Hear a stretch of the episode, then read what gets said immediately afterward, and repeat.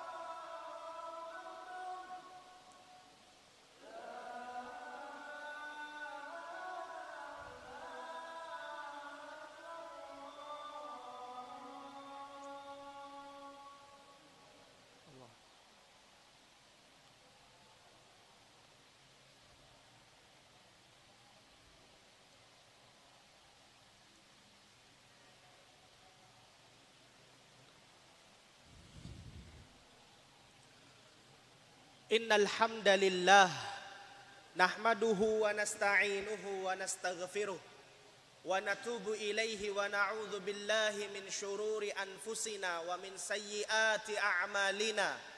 من يهده الله فلا مضل له ومن يضلل فلن تجد له وليا مرشدا. أشهد أن لا إله إلا الله وحده لا شريك له إقرارا به وتوحيدا. وأشهد أن محمدا عبده ورسوله. صلوات ربي وسلامه وسلم تسليما مزيدا. قال الله تعالى يا أيها الذين آمنوا اتقوا الله حق تقاته ولا تموتن إلا وأنتم مسلمون. يا أيها الذين آمنوا اتقوا الله وقولوا قولا سديدا. يصلح لكم أعمالكم ويغفر لكم ذنوبكم ومن يطع الله ورسوله فقد فاز فوزا عظيما.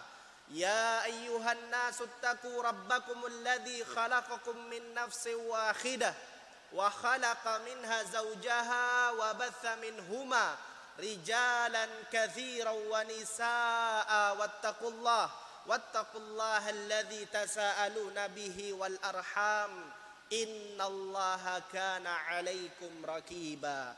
واعلموا أن خير الهدي هدي محمد صلى الله عليه وسلم. وشر الأمور محدثاتها فإن كل محدثة بدعة. معشر المسلمين وزمرة المؤمنين رحمكم الله جميعا. Sesungguhnya derajat kaum muslimin di dalam Islam itu bertingkat-tingkat. Ada seorang yang menduduki sebagai derajat seorang muslim. Kemudian ada lagi seorang yang menduduki lebih tinggi dia menduduki derajat sebagai seorang mukmin dan sesungguhnya derajat seseorang tertinggi di hadapan Allah Subhanahu wa taala adalah ketika seorang menjadi muhsin. Ada derajat muslim, kemudian mukmin, kemudian muhsin. Ma'asyiral muslimin rahimani wa rahimakumullahu jami'an derajat yang paling utama dan tertinggi di hadapan Allah Subhanahu wa taala adalah ketika seorang mencapai derajat ihsan. Apa itu ihsan? Ihsan adalah berbuat baik yang di mana dijelaskan oleh hadis Jibril Nabi sallallahu alaihi wasallam tatkala ditanya dan diajarkan oleh malaikat Jibril Nabi berkata anta'budallaha ka'annaka tarahu fa lam takun tarahu fa innahu yaraka. Ketika engkau beribadah kepada Allah Subhanahu wa taala seakan-akan engkau melihat Allah Subhanahu wa taala. Apabila engkau tidak mampu untuk melakukannya maka ketahuilah sesungguhnya Allah Subhanahu wa taala senantiasa mengawasimu. Ma'asyiral muslimin rahimani wa rahimakumullah. Sehingga seorang senantiasa dia berusaha di dalam hidupnya untuk dia bisa menggapai derajat ihsan.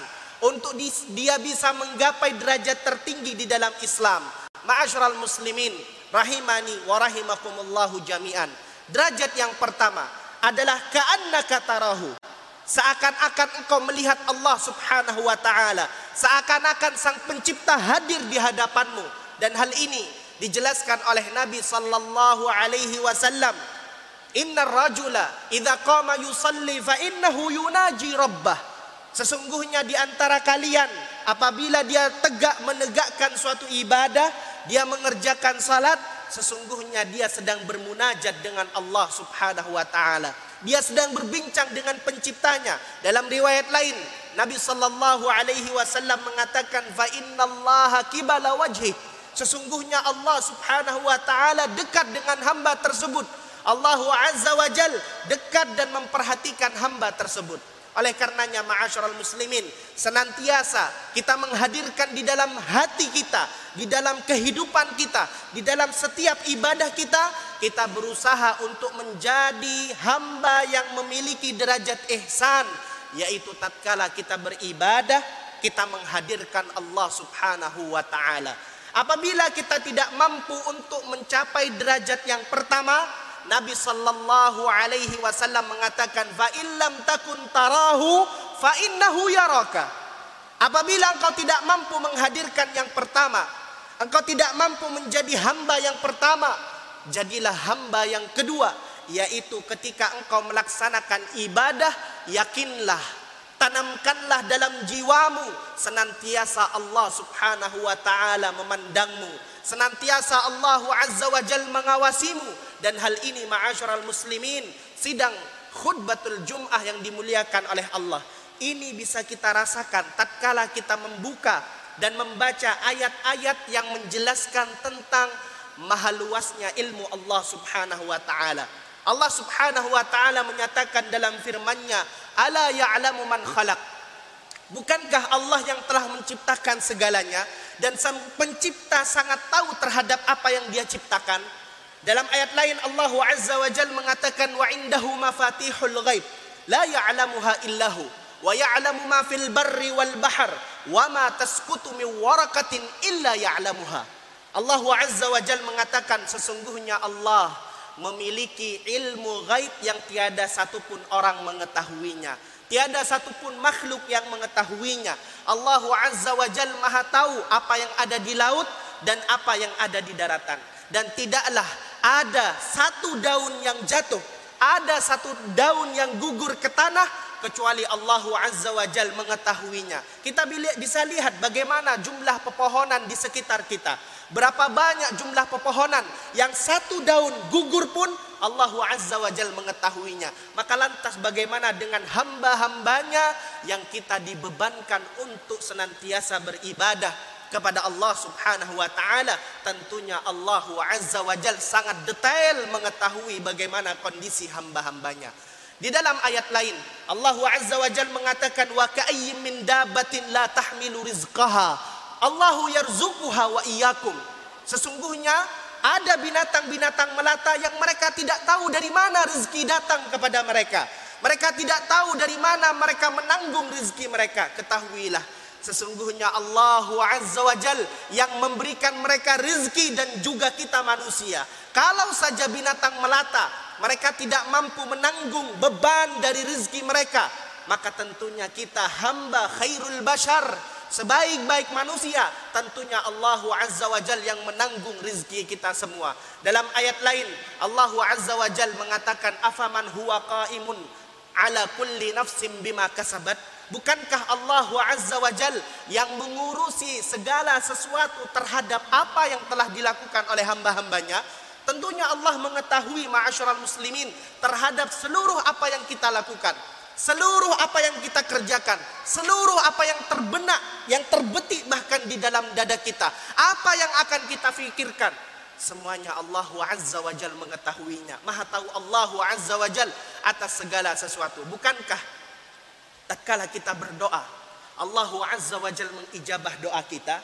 Bukankah tatkala terbesik di dalam dada kita menginginkan sesuatu, Allah Azza wa Jal mengabulkannya? Bukankah tatkala kita menginginkan sesuatu, ingin tentang sesuatu yang mungkin di luar akal kita, di luar akal manusia, tetapi Allah Azza wa Jal mampu untuk menghadirkannya, bukankah Allah Subhanahu wa taala Maha tahu atas segala apa yang diketahui oleh hamba-hambanya. Oleh karenanya ma'asyiral muslimin, rahimani wa rahimakumullah, tatkala seorang menghadirkan perasaan ihsan, tatkala seorang berusaha untuk menuju derajat ihsan sesungguhnya akan muncul di dalam hatinya perasaan untuk semangat beribadah kepada Allah Azza wa Jal. Karena sesungguhnya di dalam hatinya tertanam bahwasanya tatkala dia berbuat suatu kebaikan tatkala dia meninggalkan suatu keburukan akan muncul perasaan seakan-akan dia melihat Allah Subhanahu wa taala. Apabila dia tidak mampu untuk merasakan perasaan yang demikian dia yakin bahwasanya Allah senantiasa mengawasinya. Allah senantiasa memandangnya. Allah senantiasa melihatnya sehingga akan muncul di dalam kalbunya muraqabatullah. Seakan-akan hamba tersebut senantiasa diawasi oleh Allah Azza wa Jal. Aku qauli hadza wa astaghfirullah li wa lakum wa lisairil muslimin min kulli dhanbin fastaghfiruh innahu huwal ghafurur rahim.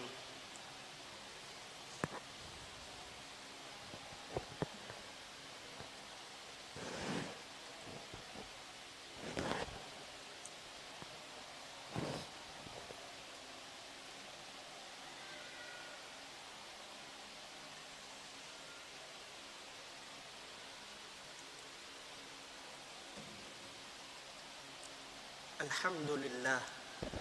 Alhamdulillahi ala ihsani. Wasyukru lahu ala taufiqihi wa amtinani. Ashadu an la ilaha illallah wahdahu la sharika lah Ta'ziman li sya'nih. Wa ashadu anna muhammadan abduhu wa rasuluh Ad-da'i ila ridwani. Ma'asyaral muslimin rahimani wa rahimakumullahu jami'an. Disebutkan oleh ulama' bahwasanya apabila seorang dia senantiasa melatih dirinya agar dia bisa mencapai derajat ihsan. Tatkala seorang hamba berusaha agar dia mencapai derajat ihsan, akan ada keutamaan-keutamaan yang akan dia peroleh. Di antaranya, yang pertama hamba tersebut akan dimudahkan untuk mengerjakan ibadah. hamba tersebut akan dimudahkan untuk mengerjakan perkara kebaikan. Hamba tersebut akan mudah melakukan amal-amal kebajikan. Dia akan mudah bersedekah, dia akan mudah menegakkan salat dan dia akan mudah mengerjakan setiap amal soleh. Kenapa? Karena setiap apa yang dia kerjakan Allah Azza wa Jal yang melihatnya. Allah Azza wa Jal yang memantaunya dan di dalam hatinya hanya tersirat keikhlasan untuk Allah Subhanahu wa taala. Tiada maksud dengan dunia, tiada maksud dengan apa pun karena ketika dia menghadirkan ihsan, hamba tersebut akan mudah untuk beribadah kepada Allah. Allah Subhanahu wa taala mengatakan ya'lamu kha'inatal a'yun wa ma tukhfis sudur. Sesungguhnya Allah mengetahui setiap pengkhianatan mata dan Allah Subhanahu wa taala mengetahui setiap apa yang tersirat di balik dada. Dalam ayat lain Allah mengatakan wa alimum bidzatis sudur. Allah tahu apa yang ada di balik dada-dada kita, apa yang kita kerjakan, apa yang kita pikirkan, apa yang akan kita lakukan, setiap apa yang terbesik di dalam kolbu kita, di dalam fikiran kita, Allah Azza wa Jal mengetahuinya. Sehingga seorang ketika dia mencapai derajat ihsan, dia akan mudah mengerjakan ibadah, akan gampang mengerjakan salat, dia akan mudah menegakkan salatul lail, dia akan mudah mengerjakan amal-amal kebajikan. Kenapa? Karena yang menjadi fokus Tujuan utamanya adalah Allah Subhanahu wa taala. Kemudian disebutkan yang kedua, apabila seorang mencapai derajat ihsan, dia juga akan dimudahkan untuk meninggalkan perbuatan dosa. Dia akan dimudahkan untuk meninggalkan perbuatan maksiat. Kenapa? Setiap dia berbuat dosa, setiap dia berbuat maksiat, Allah Azza wa Jalla mengawasinya. Allah Azza wa Jal memantaunya. Allah Azza wa Jal memandangnya. Allah Azza wa Jal melihatnya. Maka akan muncul perasaan dia akan kembali kepada Allah. Akan muncul perasaan akan takutnya terhadap dosa yang akan kelak dibalas oleh Allah Azza wa Jal. Sehingga hamba tersebut akan takut terhadap dosa dan kemaksiatan yang dia kerjakan. Dan ini ma'asyiral muslimin adalah perkara yang banyak hilang di zaman ini. Bagaimana ketika seorang hamba telah luntur ihsan di balik kolbunya, hilang perasaan ihsan, maka hamba tersebut akan dengan mudahnya berbuat dosa. Hamba tersebut akan mudahnya berbuat kemaksiatan. Kenapa? Karena sesungguhnya perasaan ihsan telah hilang di balik dadanya. Hal ini diceritakan oleh Allah Azza wa Jal. Ketika Allah menceritakan bagaimana kaum musyrikin dahulu. Mereka dengan mudahnya berbuat dosa. Mereka dengan mudahnya berbuat kemaksiatan. Subhanallah. Apa yang Allah ceritakan. Wa ma kuntum tastatiruna ayyashhada alaikum sam'ukum wala absarukum wala juludukum walakin dhanantum anna Allah la ya'lamu kathiran mimma ta'lamun. Wa dhalikum dhannukum alladhi dhanantum bi rabbikum ardakum fa asbahtum minal khasirin. Allah Azza wa Jal mengatakan dan sesungguhnya kalian tidak akan mampu mengelak dari persaksian pendengaran kalian persaksian penglihatan kalian, persaksian kulit-kulit kalian. Yang kelak dia akan berorientasi, akan membantah, akan menjadi saksi terhadap dosa-dosa dan kemaksiatan kalian. Tapi kalian menyangka, kalian menduga, Kalian memiliki prasangka bahwasanya Allah Azza wa Jal tidak mengetahui apa-apa. Kalian meyakini bahwasanya Sang Pencipta tidak mengetahui segala-galanya. Maka sesungguhnya prasangka kalian inilah yang menyebabkan kalian binasa dan kalian termasuk di antara golongan orang-orang yang merugi. Ma'asyiral muslimin, ketika seorang sudah mencapai derajat ihsan, maka sungguh akan muncul di dalam kalbunya perasaan akan takut terhadap dosa-dosa. Perasaan akan takut terhadap maksiatan karena setiap dari dosa dan kemaksiatan akan berimbas kepada efek dan dampak yang akan kembali kepada kita. Sehingga ketika seorang memiliki perasaan ihsan, dia akan mudah meninggalkan dosa dan kemaksiatan. Dan yang terakhir, ma'asyiral muslimin, rahimani wa rahimakumullah. Ketika seorang mencapai derajat ihsan, dia akan mendapatkan jannah Allah tabaraka wa taala.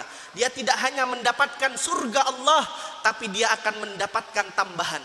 Disebutkan oleh Allah Subhanahu wa taala, Allah nyatakan lilladzina ahsanul husna wa ziyadah. Bagi mereka-mereka yang telah mencapai derajat ihsan, mereka-mereka yang telah berbuat baik, mereka akan mendapatkan husna. Mereka akan mendapatkan surga Allah Subhanahu wa taala. Wa ziyadah akan ada tambahan yang mungkin di luar pikiran kita. Allah Subhanahu wa taala menceritakan melalui hadis nabinya Idza dakhala ahlul jannah al jannah. Tatkala penghuni surga telah memasuki surga Allah Subhanahu wa taala. Penduduk penduduk jannah telah memasukinya. Yaqulullahu azza wa jal. Allah Subhanahu wa taala berkata, "Turiduna syai'an azidukum?" Maukah aku tambahkan kenikmatan apa lagi untuk kalian? Kemudian berkatalah penghuni surga. Mereka berkata, "Alam tubayyin wujuhana?" Alam tudkhilana al-jannah wa tujannibna minan nar. Ya Allah, apalagi kenikmatan yang kita inginkan ya Allah? Apalagi kita sudah dimasukkan ke dalam surga Allah. Engkau telah membuat kami, wajah kami berbinar-binar, kami berbahagia ya Allah. Dan Engkau telah menyelamatkan kami dari nerakamu ya Allah. Apalagi yang kita harapkan ya Allah. Ini sudah, sudah sungguh sangat nikmat yang luar biasa ma'asyiral muslimin. Fayakshifullahu al-hijaba wa ma utu syai'an ahabbu ilaihi minan nazar ila wajhil karim. Subhanallah. Ketika setelah itu Allah azza wa jal melepas hijabnya dan kaum muslimin mereka-mereka penduduk surga melihat wajah Allah subhanahu wa taala dan tiada kenikmatan yang paling kita dambakan kecuali melihat wajah Allah Subhanahu wa taala. Semoga kita semua yang hadir kelak bisa mendapatkan nikmat berupa mendapat wajah Allah, mendapat kenikmatan melihat wajah Allah Subhanahu wa taala. Senantiasa Nabi mengingatkan dengan doa yang sangat indah, Allahumma inni as'aluka ladzatan nadhari ila wajhikal karim. Semoga kita termasuk hamba-hamba yang kelak bisa mendapatkan nikmat melihat wajah Allah Subhanahu wa taala. Innallaha wa malaikatahu yusalluna 'alan nabi. Ya ayyuhalladzina amanu sallu 'alaihi wa sallimu taslima. Allahumma salli 'ala nabiyyina Muhammad wa 'ala ali nabiyyina Muhammad kama sallaita wa sallamta wa barakta 'ala nabiyyina Ibrahim. Innaka Hamidum Majid. Allahumma ghafir lil muslimina wal muslimat والمؤمنين والمؤمنات الأحياء منهم والأموات. إنك أنت السميع قريب مجيب الدعوات. ويا قاضي الحاجات. اللهم أصلح لنا ديننا الذي هو عصمة أمرنا وأصلح لنا دنيانا التي فيها معاشنا وأصلح لنا آخرتنا التي إليها معادنا. واجعل الحياة زيادة لنا في كل خير واجعل الموت راحة لنا من كل شر. اللهم لا تدع في مقامنا هذا ذنبا إلا غفرته ولا مريضا إلا شفيته. ولا كربا إلا نفسته ولا عسيرا إلا يسرته ولا حاجة من حوائج الدنيا والآخرة إلا قضيتها ويسرتها برحمتك يا أرحم الراحمين. ربنا آتنا في الدنيا حسنة وفي الآخرة حسنة وقنا عذاب النار. وصلى اللهم صل على نبينا محمد والحمد لله رب العالمين. أقم الصلاة.